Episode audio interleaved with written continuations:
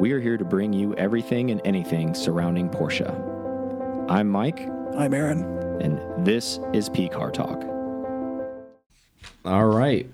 We are back. Welcome to an episode of P Car Talk. I'm Mike. And I'm Aaron. And let's get rolling. Let's thank our new people. We got some new people here. We have, I think, some more Sriracha boys. We have a renew.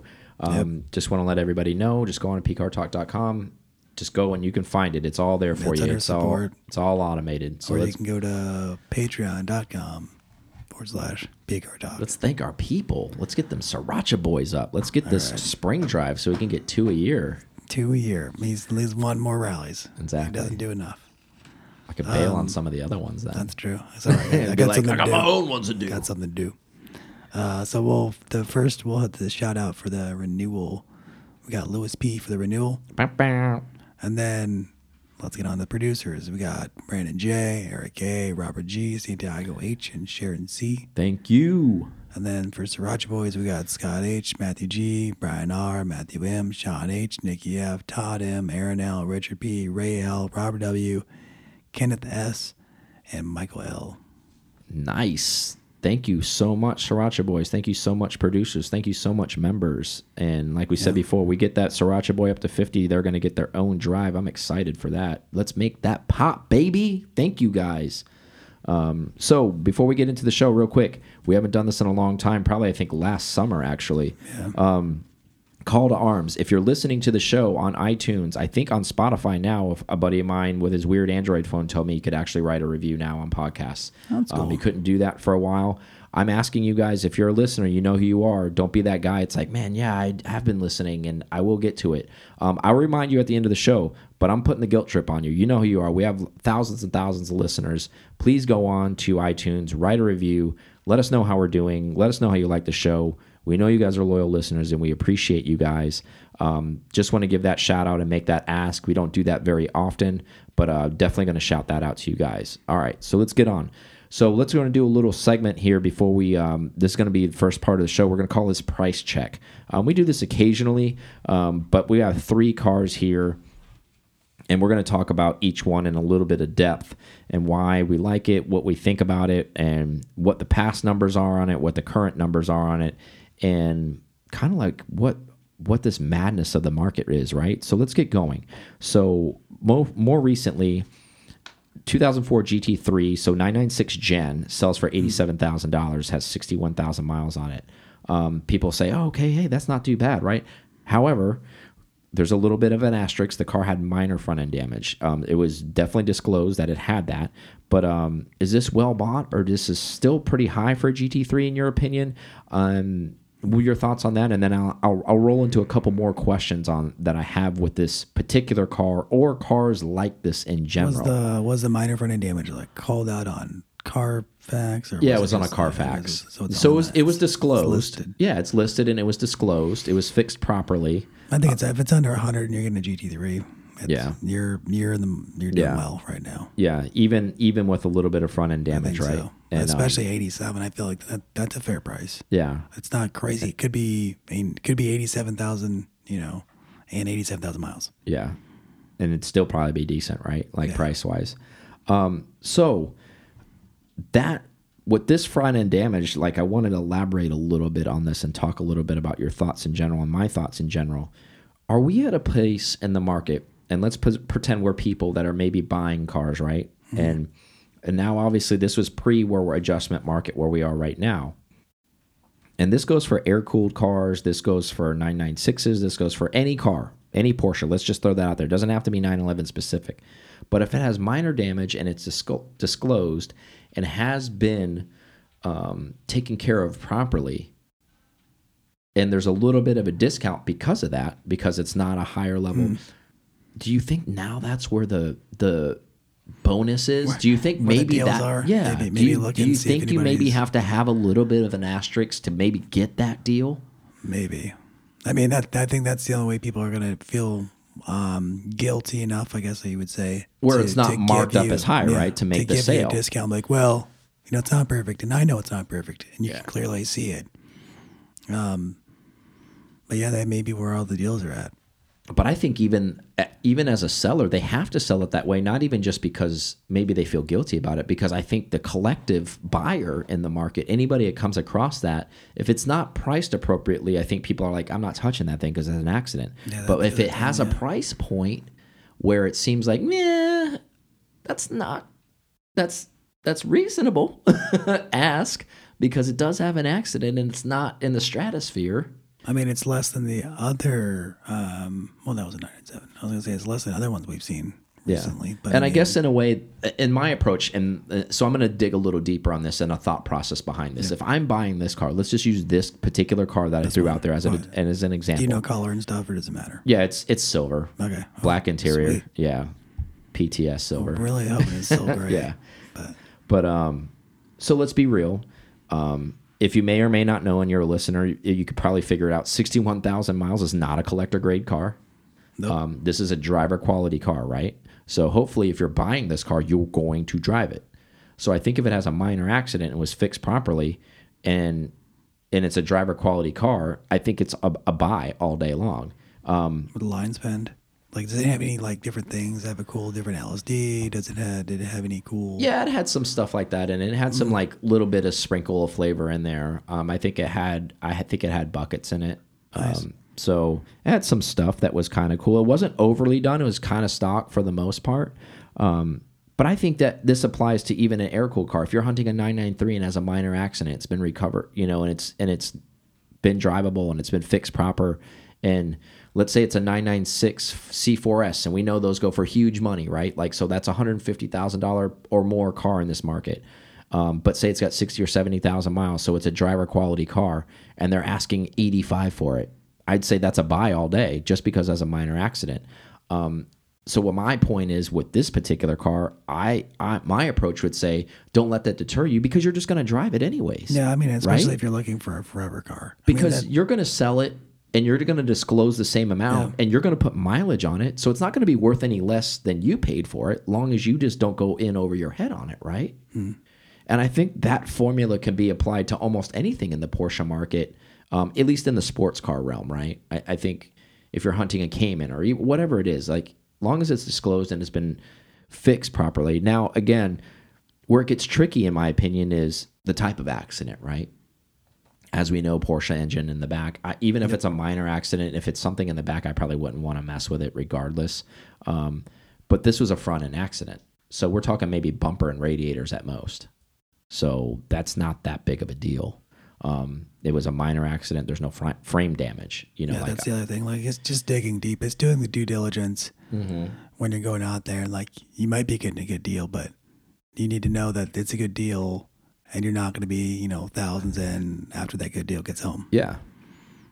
And as we know, we know people that have bought in cars that have been gone off track, that have got slammed into stuff and gotten torn up, and people still pay good money for those cars after they're fixed. So I'm not encouraging people to buy wrecked cars, but I'm encouraging people to open up their minds, especially because of how nuts the market is. I think if there maybe is a deal to had, and if you guys pay attention, this is definitely um, outside of our realm, but we do follow certain people that are in the social media world, kind of like Ed Bolian and people like that. If you're not familiar with him, he's the VINwiki guy, but he goes out of his way to buy Murcielagos and Lamborghinis yeah, that have Tyler stories. Tavares, yeah, yeah, like these cars are salvage title cars. I mean, he's gone way in. He's not like, oh, this is minor damage. Like he wants the crap, but long as it's fixed right, because he'll take he'll take that deal because maybe that was a two hundred fifty thousand dollar car. And now he's paying one forty for it. But they gave a better Porsche example right now is watching is Pedro for all his stuff. Oh yeah, he's buying salvage cars from uh, Copart, Yeah. and um, All sorts of stuff too. It's not just like Yeah. Boxsters. I mean, Yeah, he's getting 996 cabs. He's buying and and if you look at them, which just sounds nuts, they're not that bad. Yeah. So if you have some liquid and you're not one of these people that needs to go finance a car, obviously you need to do your research. But if you have a nest egg of money and you don't, if you just really truly want the car, and if you're hunting a maybe a blue chip car, keep your eyes open on maybe a car Copart, you know, sale or something like that, and do your research. Or and if you don't know, maybe reach out to somebody who has done stuff like that or who is in that market who has a license to buy stuff like that. Um, because he bought his GT3 RS dot one. I mean, obviously, I still think he paid like I'm guessing, and he's never he hasn't disclosed this to me, so I'm just probably shooting in the dark. I'm saying 80 or 90 probably on the car, and then I think he put another 30 in it. But I actually don't even think he put that much in it. I'll take that back. I think he maybe put like five to ten in it, to be honest with you, because I think it was like a flood car, but it wasn't like really flooded. So I think he replaced some stuff. Like it started, and I was like, "Oh, it Yeah. starts," which he knew. Yeah. I mean, that's that's the yeah. So because it started, I think he paid at least probably ninety or hundred on it. yeah, I would say yeah, that, I would say that too. But again, it's a salvage car, and a lot of people are going to shy away from it because it's the 3RS, and people are thinking about residual resale value on that car. Pedro's thinking about driving that And car. Pedro's thinking about like He's how like, soon "Hey." does he get to the track? Yeah, he's like, I'm getting a 3RS and I get to drive it, which is awesome. So if you take that approach with these cars, as opposed to like, well, I'm worried about you know residual value, and uh, salvage cars, obviously the the the other end of that spectrum from a minor accident, right? Like if you have your accident window, you have your minor accident, and then you have salvage titles. I mean, that those are two different things, very very different things. I mean, you could still easily finance a car with minor damage, even uh, moderate damage, because those aren't those titles aren't affected on those cars. Those are back to roadworthy. DOT said those cars are good to go. Um, I would say a long time. I was not even that long ago. Actually, probably 15 months ago. I would discourage anybody to stay away from an accident car just for the fact of like, hey, you don't want to have to tell that story later. But at this point in this market where everything is so ridiculously priced, maybe an accident car when you had 90 grand and you were hunting a GT3, this 0- 04 GT3 with a minor accident, this is your car. Yeah, it's got Because R- at least it- RS front bumper, and it had some cool. It's got Yeah. some definitely cool cool bets on it that you're Yeah. you're not having to worry about. and it's and it's putting you in a GT car and has minor damage. Oh, who cares? At sixty one thousand miles, you you should be driving that car. That's what you're going to do with it. And I promise you, even if you drive it for a year, you could sell it for eighty seven thousand dollars again. Actually looks super clean. Like I was like, I'm looking at. He's it like, I'll now. buy that thing for like, this thing- 87. This thing does look pretty. I mean, I almost spent 85 on the one I was looking at, the black one, but Yeah, yeah, I mean, it looks just actually this looks cleaner than the one for 85. yeah. So do you agree? Maybe that's kind of like a wedge, uh, like a gray area in the market, the Porsche market. Yeah, for people that maybe are looking that feel like they've been left out or they the train has already took on off from the station maybe they can look in these areas right the No, car I- with I maybe so. minor damage I would I would even I mean I guess you could you should always consider resale, but I mean I would go from the if I don't have anything or if I'm just looking for a GT car, or if I'm looking for the air cooled thing Yeah. that maybe a forever car, like I'm not gonna care. Maybe I don't care about Yeah. it having an accident because after a certain amount of time terrible. anyways if you make the car your own and you do your own thing if you and if you don't own one you might not know this a lot of these cars are already spoken for like between friends meaning like oh if you ever sell your dot two and for whatever reason you know i'm not asking for like a homie price but i'll do fair market but i'd rather buy it from you because i know how you maintained it hmm. so i know what i'm getting when i buy a car from you Six gear, I don't drive fast at all. Exactly. So so if your friend owns a even a minor accident car and you saw it happen, like you might get a smoking deal because of that. So I'm just saying keep your options open, especially how difficult this market is. Like we've gotten so many people like have DM'd us and messaged us and like I just feel trapped, I feel lost, like I feel like I I missed I missed out. Yeah, Um, I mean I can see that, but it's almost at a certain point. I think you might need to even look above whatever whatever level you were looking at. Maybe look go that next step, Mm-hmm. just because prices have moved up. Yeah. Because maybe you don't want to spend forty or fifty thousand dollars on a base nine nine six when you're at the next markup, like we just said, like there's this GT three for eighty seven. Maybe you're Yeah. Can you stretch to make it happen? can we stretch to make it happen, and how much happier you're going to be at the end of the day because you're not going to be trying to build something that's like a GT three. Yeah. that'll never get there. and even if you hang on to this thing for long term and you drive it, they're still going to go up. It's still a GT3, even if even or an air cooled. It's still an air cooled. It's Yeah. still going to. They're not making any more of them. Um, they're making more GT3s, but they're not making Metzger engine cars. You know, whatever. So my point matter. about this is, take what your whatever your subject is, break it down, and say, okay, am I getting in at the right price on it? Or feel and and and there's no right or wrong answer. There is like long as you feel like you paid right for it, and long as you're not one of these people who's trying to flip the car for money, you'll be fine. You're not going to flip a, an accident car for money right away. Well, I Like mean, it's not going to get a couple happen. Bucks, but you're not you're not going to get a premium. And, like, Exactly. I think you said and it'd be worse. It'd be wor- worth like you wouldn't waste your time doing mm-hmm. that. It doesn't make sense. and you do the research too for just the, if you market if you look at the 356 market from the time of inception till now. I mean, it's always gone up and it's up and up and up and up and up. Yeah, even if it's two and a half, three percent every year, it's it's gone up since that way since like the fifties. So look at it that way. Like if you if you always wanted, especially if you're one of these people, it's like I wanted the first GT3, and you wanted to hunt this car, and you got like even this deal with that kind of mileage. Who cares? Those things are rock solid. That car's not going to need an engine rebuild for another two hundred thousand miles. You'll be fine. You probably won't even be. You'll die before you get to put the mileage on that car. It needs a rebuild. So you'll be handing that off to like a kid or a sibling or a family member, or they'll be problem. or they'll be selling it in your estate. And somebody, I guarantee, by the time this car needs to move on, will be worth more than eighty-seven thousand dollars. Is my point of that. I would hope so. Maybe 88,000. Yeah, even if it is, and you put hundred thousand miles on it, that's still a good deal because you still profited on it. Essentially, you drove that car for free. Yep. Um, So next car I want to mention. Oh, shocker, right? I'm, I'm going to throw myself under the bus. I'm talking about a 964, but only because it was a 964 it sold recently. So it's a, a 1992 964, pretty much bone stock, had a top end rebuild at 58,000 miles. The key here with this car is yes, it's a C2 manual, but it's Amazon green, which I've always loved this color. That's a good color. Great color car. Sold for $134,000.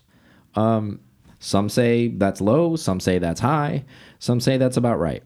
I would say with a top end rebuild, um, I'm only bringing this up because one of the commenters on the sale of the car said something to the effect of, "This is a great buy because they believe in," and, and this is them saying this. They believe the car in this market should have gone for more, possibly 150 in this market.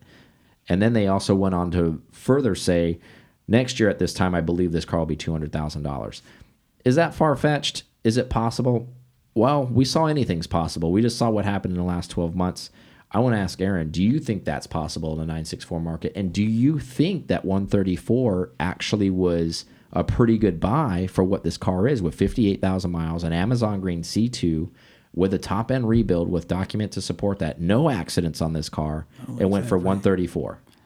Yes, considering we've seen other things. Well, I mean, for being We've seen $120,000 cars with Yeah. 100,000 plus miles on them. and I think the bone stock is actually a cool move Mm-hmm. because, like you said, put your own touches on it, and that's kind of being it's it's even harder hard enough to find a bone stock car. Finding an Amazon green one, that's adding an extra layer of complexity there.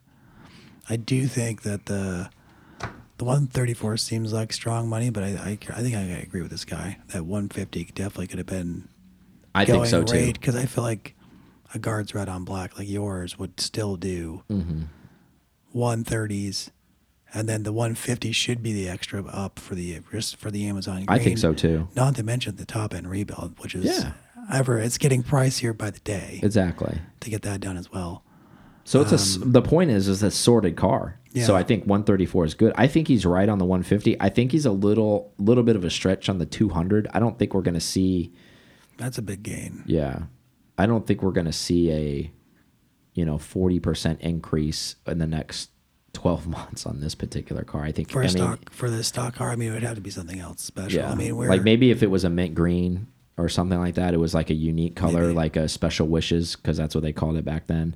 Um, and then put this in perspective. Even if it okay, so let's say this guy's right and it does two hundred thousand next year, like this Yeah. kind of car.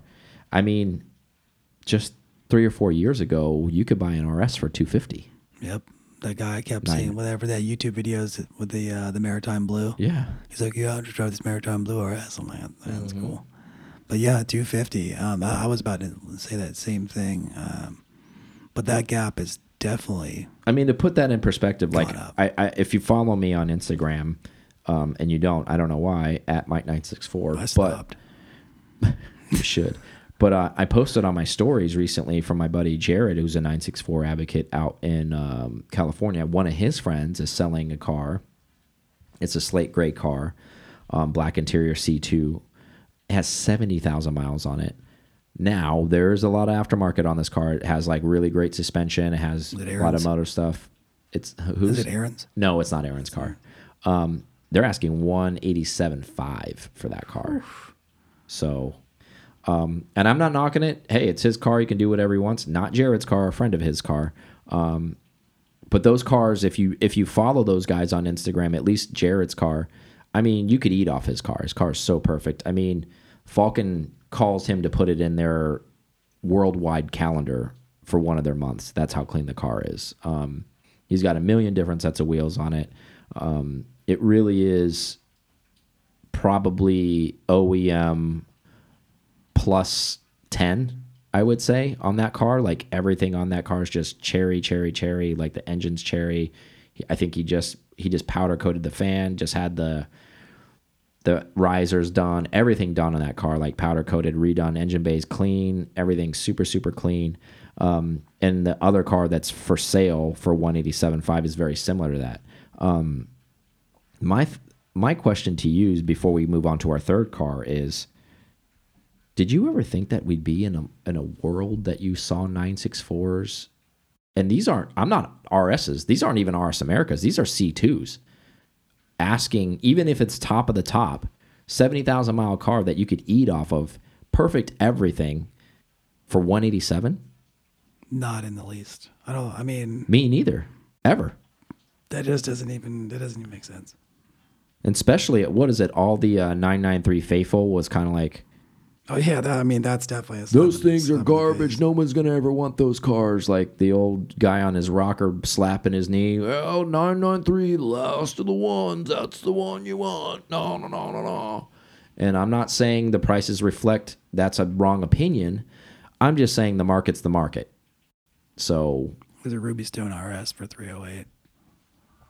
so thoughts on that. But the crazy thing is, with some of those RSs, as we've talked to some of the dealers, stock like RMC and those guys, a lot of those RSs were actually clapped out because they used them on track. yeah, I mean, Like, Like that was the pre. GT3 car. yeah, All all of the RS line with 993 RS, all of those cars. Like, yes, there's some that are pretty and perfect. Like Leh Keen has a 993 perfect, but he hunted down a perfect one.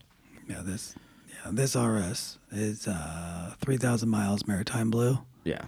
It's going for a little bit more. Yeah. it's at 512. That sounds about right with the market adjustment. And that same car was probably all the money three or four years ago at 350. Oh yeah, Never, and that's where those lived at, anyways. Like RSs were a different car, breed. They those are they made so few of them. We're talking like several hundred at most. And anything in the Porsche world that only have hundreds behind its name are very worth a lot of money. Um, but I, reverting back to what I was saying, never in my life that I would ever see a 964 C2, and um, not even slick tops. These aren't ROW cars. These aren't rest of the world cars. yeah. That's still crazy. And okay, so I'm gonna throw him under the bus a little bit. This is not confirmed, but I do kind of remember this back when I was actually in the corporate world and I was listening to certain podcasts. And um, I'm not gonna name the podcast, but you'll figure it out after I name the person. I was told a certain Zuckerman four or five years ago because he saw this as well because he's an avid car collector Yeah, purchased with a friend of his. I won't say who the other friend is, but we know who he has some big time friends. Another Porsche fanatic, and it's not the one that hosts the podcast, so that you can fill in the blank.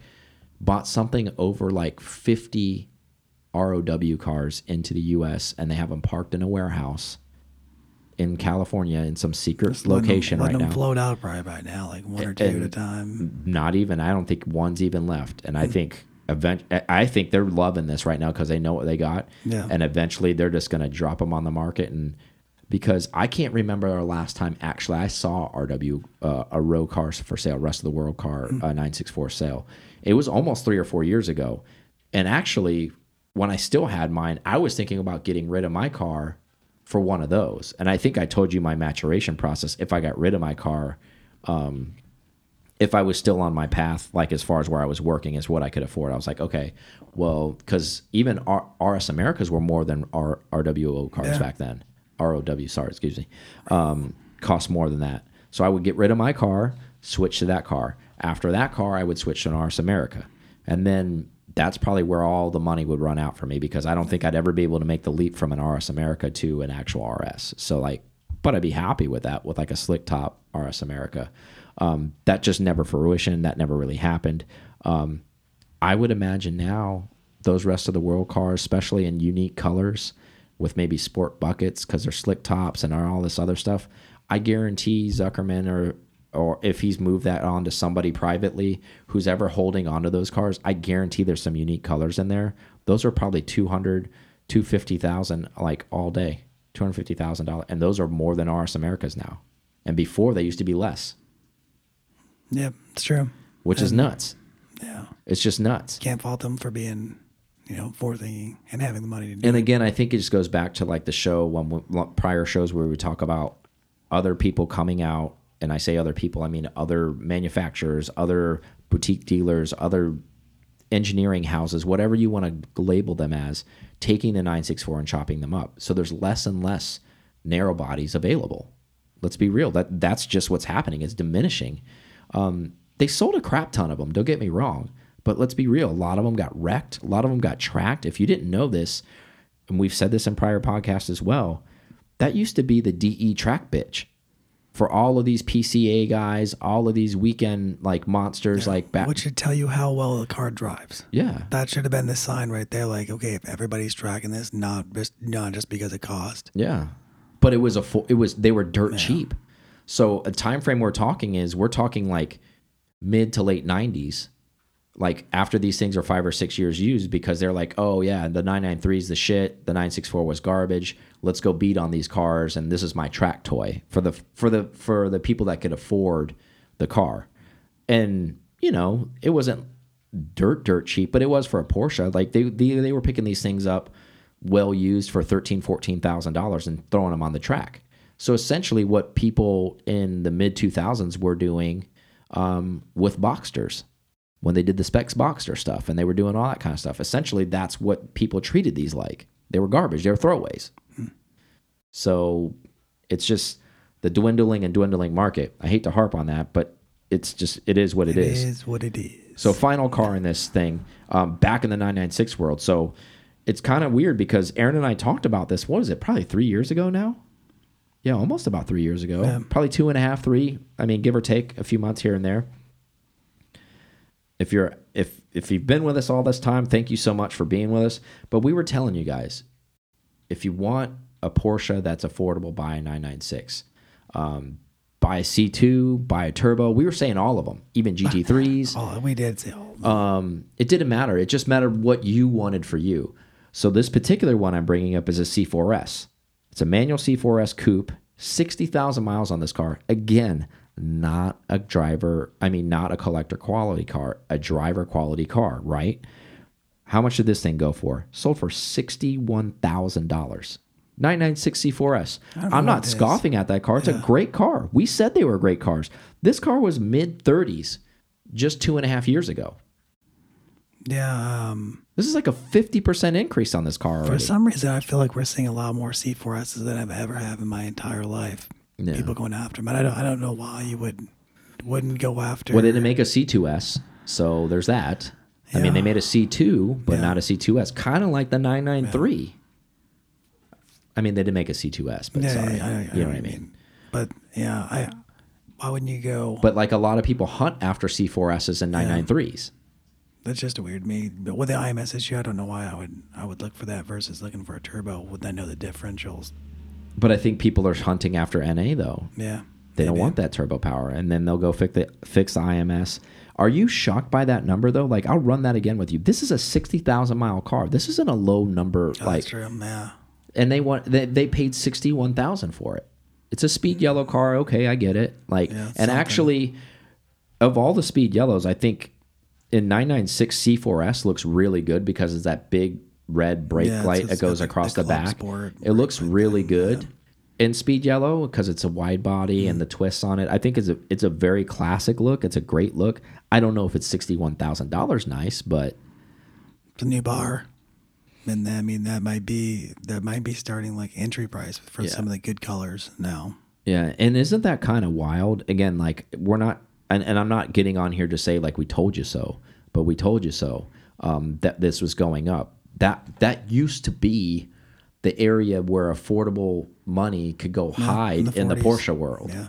Like you could get, I think even our friend, less. our friend from Sean, our friend Sean from Ren 11 got his C2 in the teens with an aero kit. You could buy Oh, yeah. aero kit cars, and and we were harping on it. I almost bought one Yeah. wa- three years ago, just almost as a for for a proof of like what I'm saying. 17.5 or 18. I think it was something. And I thought that was all the money for that car, and it was actually a great car. Yeah. He definitely complained. He's like, man, I guess I'll, you know what? I'll just, I'll, maybe I'll spend 18 on this. I was like, I don't think I should do this. I was like, I think that's a lot for this car. and that same car, and it was like a semi low. I think they had forty thousand miles. Yeah, it was actually well sports sorted. seats, uh, aero kit car, like eighteen grand. That car, if I drove that car for the last two and a half, three years, I couldn't have put more than 8,000, 10,000 miles on that car. So that car would have 50,000 miles on. I could sell that car for $45,000 right now and paid 18 for it. Oh, yeah. How nuts is that? Somebody got a good deal on BAT with a 964 row back in May. They spent, they, they got it for 44,000, A bitch must have been beat. 59,000 miles. That that car definitely had to have a story. Yeah, somewhere. I'm looking. I don't, I don't really see a story, but But anyways, do you think that's a lot of money for a C4S? uh, I don't like saying it. But I mean, I, I mean, not to be negative. I'm just saying, like, in perspective of like, or do we sound like we're not old people, but we're like already old people. We're old people, but we we we're old in the market it. because Yeah. we've seen what it's at, what's happened. I mean, we're not touching turbos for that anymore, for the most part. No, which is like- nuts too. You could buy a sick turbo for 45 grand all day 3 Yeah. years ago. Now you're now people are asking for 996 turbos and I just did like some quick browsing just to price compare cuz I don't want to get in the turbo world. We talked we No, beat that to death. Yeah, true. But I've seen cars that have 70, 80, 90,000 miles that they're asking $75,000 for. You think Mel's doubled his money by now? Oh, for sure. Yeah. 100%. Um, I think Chad's done well too if he wants to sell his car at any point. Yeah. But again, it almost goes back to that real estate thing, right? Because I think that's something Got else can everybody can re- Yeah. like relate to. If you buy your house and you're like, "Oh my god, yeah, we baby, we bought our house for Yep. 400,000 or 300,000, like our house worth 650 now." Mm. Okay, you sell it. Where the fuck are you going to go? It's true.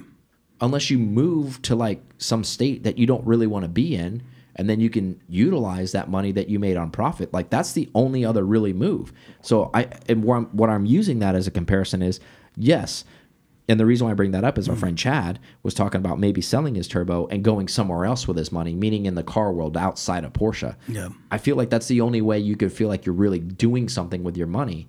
But if you're doing your research too, even in those other markets where you're going, everything's up. It's still up. Whether I you go JDM, I don't think it's it doesn't matter. I don't think it's as. I don't think the prices are as sticker shock um, as much, even outside. I mean, No, they're not. Everything, but they are up though. Yeah. So meaning like okay, so you could prime example like we'll just tangent real quickly because I this is a Porsche podcast and I know people don't probably want to hear this, but you could buy like an, an R32. Um, five or you know four or five years ago, Hmm. uh, that's a Skyline. If you don't know what that is, uh, imported for probably anywhere a clean one for like 30s, Hmm. you know, a kind of a clapped out one in the in the 20 mid 20 range. That a clapped out one now, mid 30s, a nice one, high 50s. Yep. So it's even up there. So my point of that is just on the tangent is even if you're going there, make sure that you know what you're going into in the other market because it's also up. It's also up 15, 20 grand. That's just everybody's anchored to these prices, and it's like, oh, it's only forty. Okay, that's, Yeah. that's a good deal. Well, because like you said, when you shop in the Porsche world, and if you are a Porsche person, you're buying Porsche parts, even parts are up, all those things. If you sell that car and you do go into say like, okay, I'm going to go back into American Muscle, or I'm going to go back to where I came from, like JDM, or I'm going to go even Italian, whatever it is, it, minus the Italian probably because you're going to spend a lot of money in parts and cars that shit there too. But if you go into those other two that I mentioned, you're going to think that you're getting a deal because you're paying Porsche premium stuff and you're like, oh man, I just bought a GT3 for 150, but then I sold for like 175, and then I went and bought like a Super for like 100. Man, I saved like 70 grand, and you think you're doing great, but you really paid a lot for a Super too. Let's be real. Yeah, So it's all relative. yeah, so I think it's one of those things that you mentioned, and we've talked about like how you get almost dumbed down by the pricing over time because we've been in the Porsche world for so much, and you're like, you know, they're only asking like 345 for that GT2 RS. Like that's actually a really good price on a 2RS. You're like, dude, you're talking about $345,000 like it's a t-shirt. Like no big deal. You're like, well, normally that's like a $500,000 car, so it's like a bargain, right? Yeah. It's like it's not a bargain, dude. It's still a lot of fucking money, you know? They gave me a but- T-shirt when I bought it. Exactly. Give me a half tank of gas. Yeah, yeah they, they didn't fill even, it they up. didn't fill it up. they didn't even fill it up. But it does. It does. It actually breaks your brain. The Porsche market, and if you live in the Porsche world and you're all Porsche in all the time, it does. It breaks your mind because you're kind of like, you start to think of cars in relativity. It's like, oh wow, that guy just bought like, and this isn't comparable, but like, oh my wife's friend just bought like a brand new like Toyota Highlander for like forty five thousand dollars, totally loaded. And you're like, that's great. You're like, man, I can't even buy like a nine nine six C two for that. Yeah. you know, and you start to like, you start to think about where your the the money of stuff. title, yeah. Exactly, the money of stuff. And you're just like, yo, yeah, I could buy like. I was like, oh, I could buy ten of those things for like a GT2 RS. Exactly. But uh, let's take a quick break and then uh, we'll we'll talk about some stuff on the backside. All right, we're back from break. So the big dog, Oliver Blume, was asked a few days ago. Um, this is an official announcement of the Macan EV, um, kind of press conference, I guess, away, if you want to say that. Yeah. Um, that he officially said that is coming next year. Um, but one of the reporters asked him, "Does Porsche have any date when they plan to kill the ICE vehicle?" And if you don't know what that is, like that's becoming the acronym for internal combustion engine right now.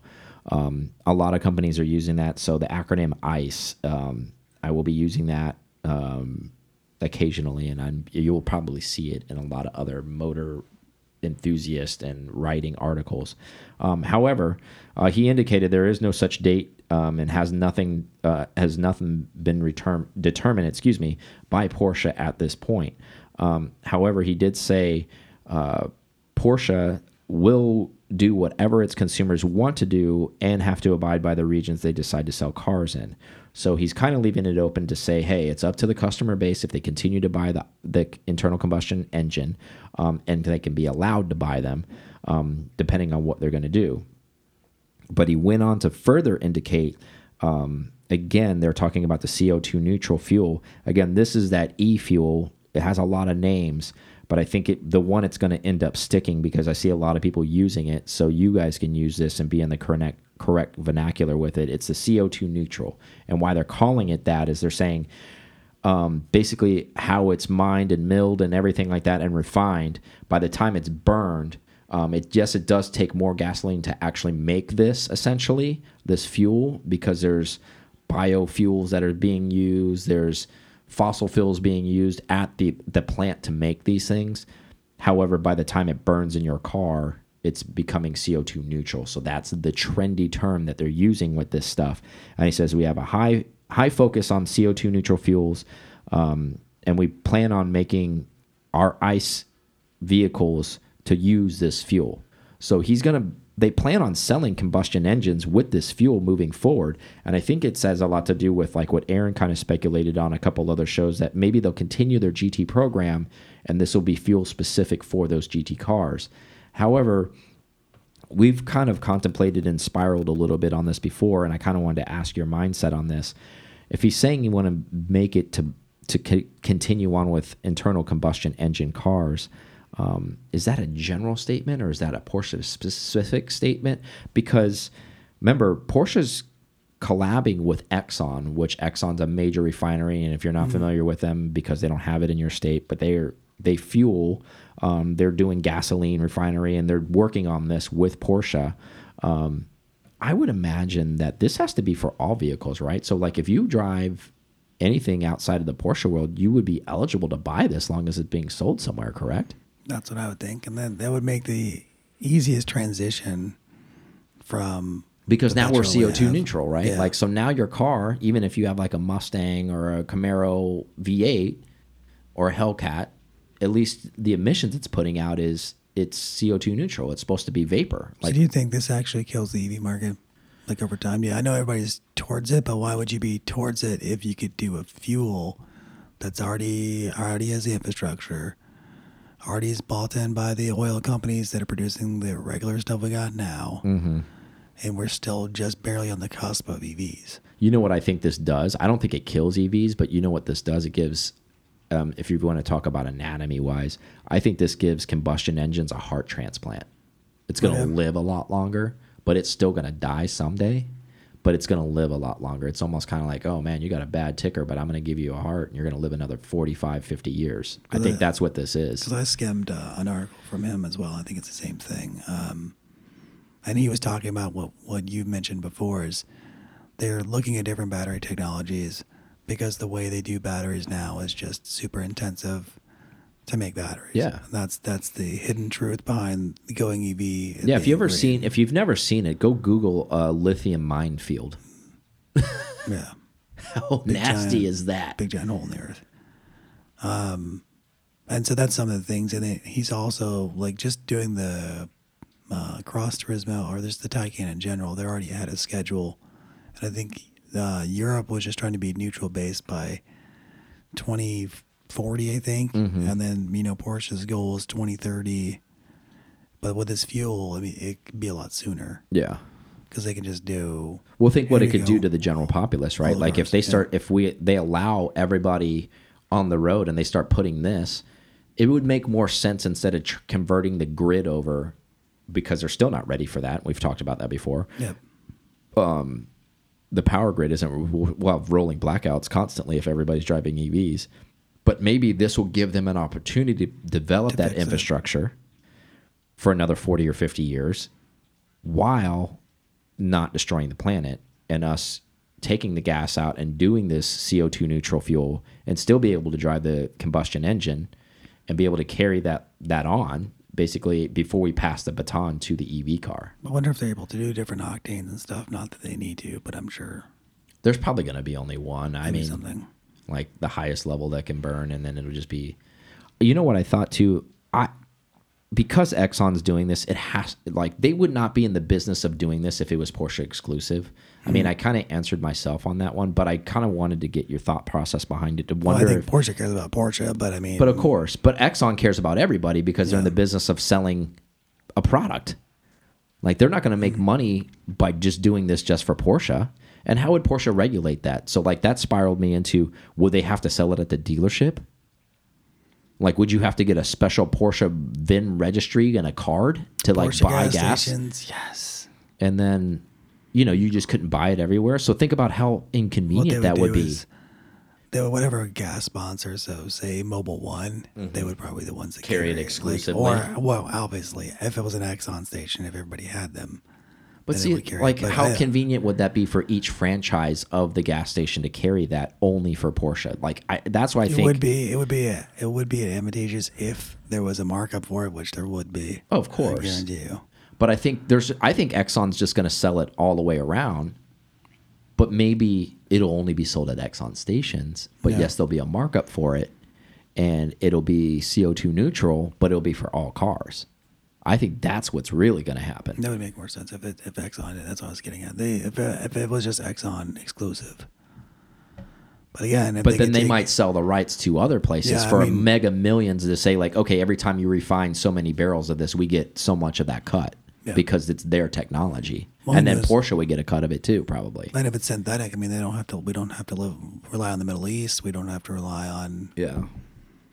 It's just Well, yeah. it- I mean, you're not mining it anymore, right? You're not pulling it out of the earth. And then think about what it does, at least for the countries that will participate. Obviously, North America would participate in it. We can't speak. I mean, obviously, Europe would probably uh, EU is going to be probably the first one to jump on the bandwagon. But I just meant as far as like, I'm sure you know they do those global things where they look at like Mm-hmm. O2 emissions or whatever into the atmosphere. I bet once this thing becomes producible and not damaging engines and actually is functional and being pumped into gas stations and people are pumping it in their cars, like think about what that's going to do positively to the atmosphere. Like it's probably going to be like, whoa. And then, like you said, maybe going back to what you said, maybe there's not going to be such a focus on EV anymore because now that has gone down so much. Like the pollution level has gone down so much, just wide band wise, because they're using the CO2 neutral stuff because the cars aren't pumping any of the stuff out. That might it might really flip everything on its head. Yeah, and then the same thing for like if they figure out a diesel formula, that's the other side too, because Yeah. almost all of Europe is diesel. I'm Other sure they're- outside of all the truckers and everything Yeah, else. I'm sure they're working on something to that effect. I mean, uh, obviously, that isn't being revealed or discussed, but it, there has to be a variant. I'm Yeah. sure there has to be some, or even if it's not a full on like CO2 neutral, even if it's half neutral, what diesel currently is is still a win. Hmm. So anything it's still a win is probably what they're approaching with this. Um, I just I just love how he spun this and was like, look, hey, we're, we're focusing on this because we still want to make combustion engines here. like we, this fuel is a big deal. Like so, It's keeping the community alive. I mean, because if they didn't, then they would just cut off everybody from.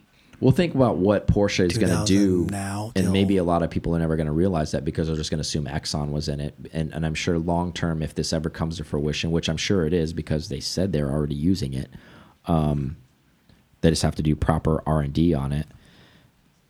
What this does for the car community in general, not just Porsche enthusiasts, but everybody, JDM guys, like muscle car guys, uh, exotic car guys, race car people. Like, think what it does to all of that stuff. It keeps all of those guys alive. But I'm sure Exxon's going to be this the tip of the spear on this, and this is going to be like everybody's going to think Exxon was the main driver on this when I think it was a combined effort. So, um, just keep that in mind when we start to see that here in the next five to ten years, and you see this CO2 neutral stuff because it's going to get it's going to catch a lot of legs, I think, and start So running soon. They already have a pilot plant in Chile, Mm-hmm. and their goal is to have 550 million liters by 2026 of the fuel. Yeah. So they're showing you they're they're putting this into circulation. So Chile. All right, so let's close here. A little bit of history lesson, a little bit of a cool cool car. Um, if you're just on the show just to listen and, and maybe you think you're a Porsche enthusiast, we're going to give you a little bit of education here, maybe something you already knew. It might sound redundant, but you'll enjoy it. So, something interesting that sold recently uh, 1964 904 GTS. Um, this car was originally owned uh, by Robert Redford. I mean, that's cool in its own right. Um, yeah, celebrities. Yeah, it's cool. It's GTS uh, 904s are cool in general. Um, so they only made the G, uh, 904 for 1965 and uh, excuse me, 64 and 65, um, and they only made 108 of them ever. That's a low number. Really low number. Um, why that number? It's not because they capped it at that number. That's the people who bought them. It's the uh, It was- yeah. T effect. it was a different earlier times. different time. I mean, think about the early '60s. Porsches weren't um, super popular, especially in the U.S. Um, we had just got out of World War II not too long ago with them. Um, a lot of people were red-blooded Americans. They Didn't want to have anything to do with any a German product. Let's just be honest. Um, and in the world in general, not just even the U.S., because um, that traveled like wildfire. Originally, this car was sold in '64, not this specific one, but in general, you could buy a G uh, 904 for seven thousand dollars. Strong money in '64. It is. Um, today's equivalent of that, the conversion rate, that's sixty-three thousand dollars in today's money. Not crazy if you think about it, right? For a super rare car. However, nobody really knew what this thing was. so, and again, this isn't a car that you can go. It's a two-seater. If you've never seen it, it's a mid-engine. Um, they so, all it's all the sports car you could possibly. yeah, they sold want, different variants of it. Uh, the uh, flat four, flat six, and there was a couple rare prototype flat eights that they made out of this thing. Um, we've and oddly enough, even though they made 108, Aaron and I have seen like three real ones. Yeah. Um, so of those 108, we've seen three of them, which is kind of cool in its own right. 105 to go. Yeah, right. Um, so it's kind of cool that that happened. This particular car sold for 1.5 million, which is actually about a million dollars down on what it would normally sell for. And the reason why for that is the original engine wasn't with this car. Um, yes, it still has a period correct engine, but matching numbers engine not. Um, if it did have a matching numbers engine, probably do 2.5. That's about what they're going for. Now, Rob, why the significance behind Robert Redford? Not only is he a popu popular actor, um, he's a Porsche enthusiast. If you may or may not know that, um, one of Magnus's turbos that he owns is 930 um, was originally ordered by Robert Redford in uh, California. Uh, when the car came in, for whatever reason, nobody really knows the story. Never took delivery of the car. Um, so it changed hands to some a couple other people, and then eventually it worked its way into Magnus's hands And the He had last a few 904 years. GTS. He was done. He just like, you know what? I think it can be a 930 turbo. Mm, I'm good. Yeah. So one of the and it was actually one of the first turbos ever delivered uh, to the U.S. One of the first 930s. I think that you know the early the 70s turbos with the one with the non intercooler on it that Sure, everybody's Magnus like. is liking himself for making that purchase. But yeah, that that it's kind of weird. But I I guess when you don't take delivery of the car, you know, it's more of kind of like yeah. Did he well, really you did it? it. You, or, you ordered it, He but he didn't it, take delivery. yeah. You know, so it kind of comes in. Is it a tall tale? Is there accuracy behind it? It's hard to prove. Whatever. But anyways, the point is. I thought it was neat just to kind of prove that Robert Redford was a Porsche enthusiast. Not only did he own this car, he owned many other Porsches, but he also ordered one of the first 930 turbos ever in the United States um, because he thought it was a neat car and it was a big deal that Porsche was doing that. So that had that shipped to the U.S. So he's responsible for the car that uh, Magnus currently owns uh, because he placed order for it, even though he didn't take ownership. He was the one who got it here. Um, I mean, obviously via Max Hoffman and all that other good stuff, probably. So, Yeah. like, he, he was the pioneer of getting Porsches into the U.S. Um, if you didn't know that, but that's a story for another day. Um, well, question I wanted to ask you before we we closed on this: um, Do you like the 904? Why or why not? I think it's cool. I think it looks. I think it's one of the the more, um, I guess that era of that '60s sports car style, where it's low, it's Miura esque, it's Yes, it's what you think of when you think of like exotic big car. spotlights in the kind of quarters in the Yeah. front. It's, I guess it's one of those. It's one of the times where. Um, Porsche didn't. I mean, they did their own thing, but it's still that seemed more exotic, and it still seems more exotic than a lot of the things they make now.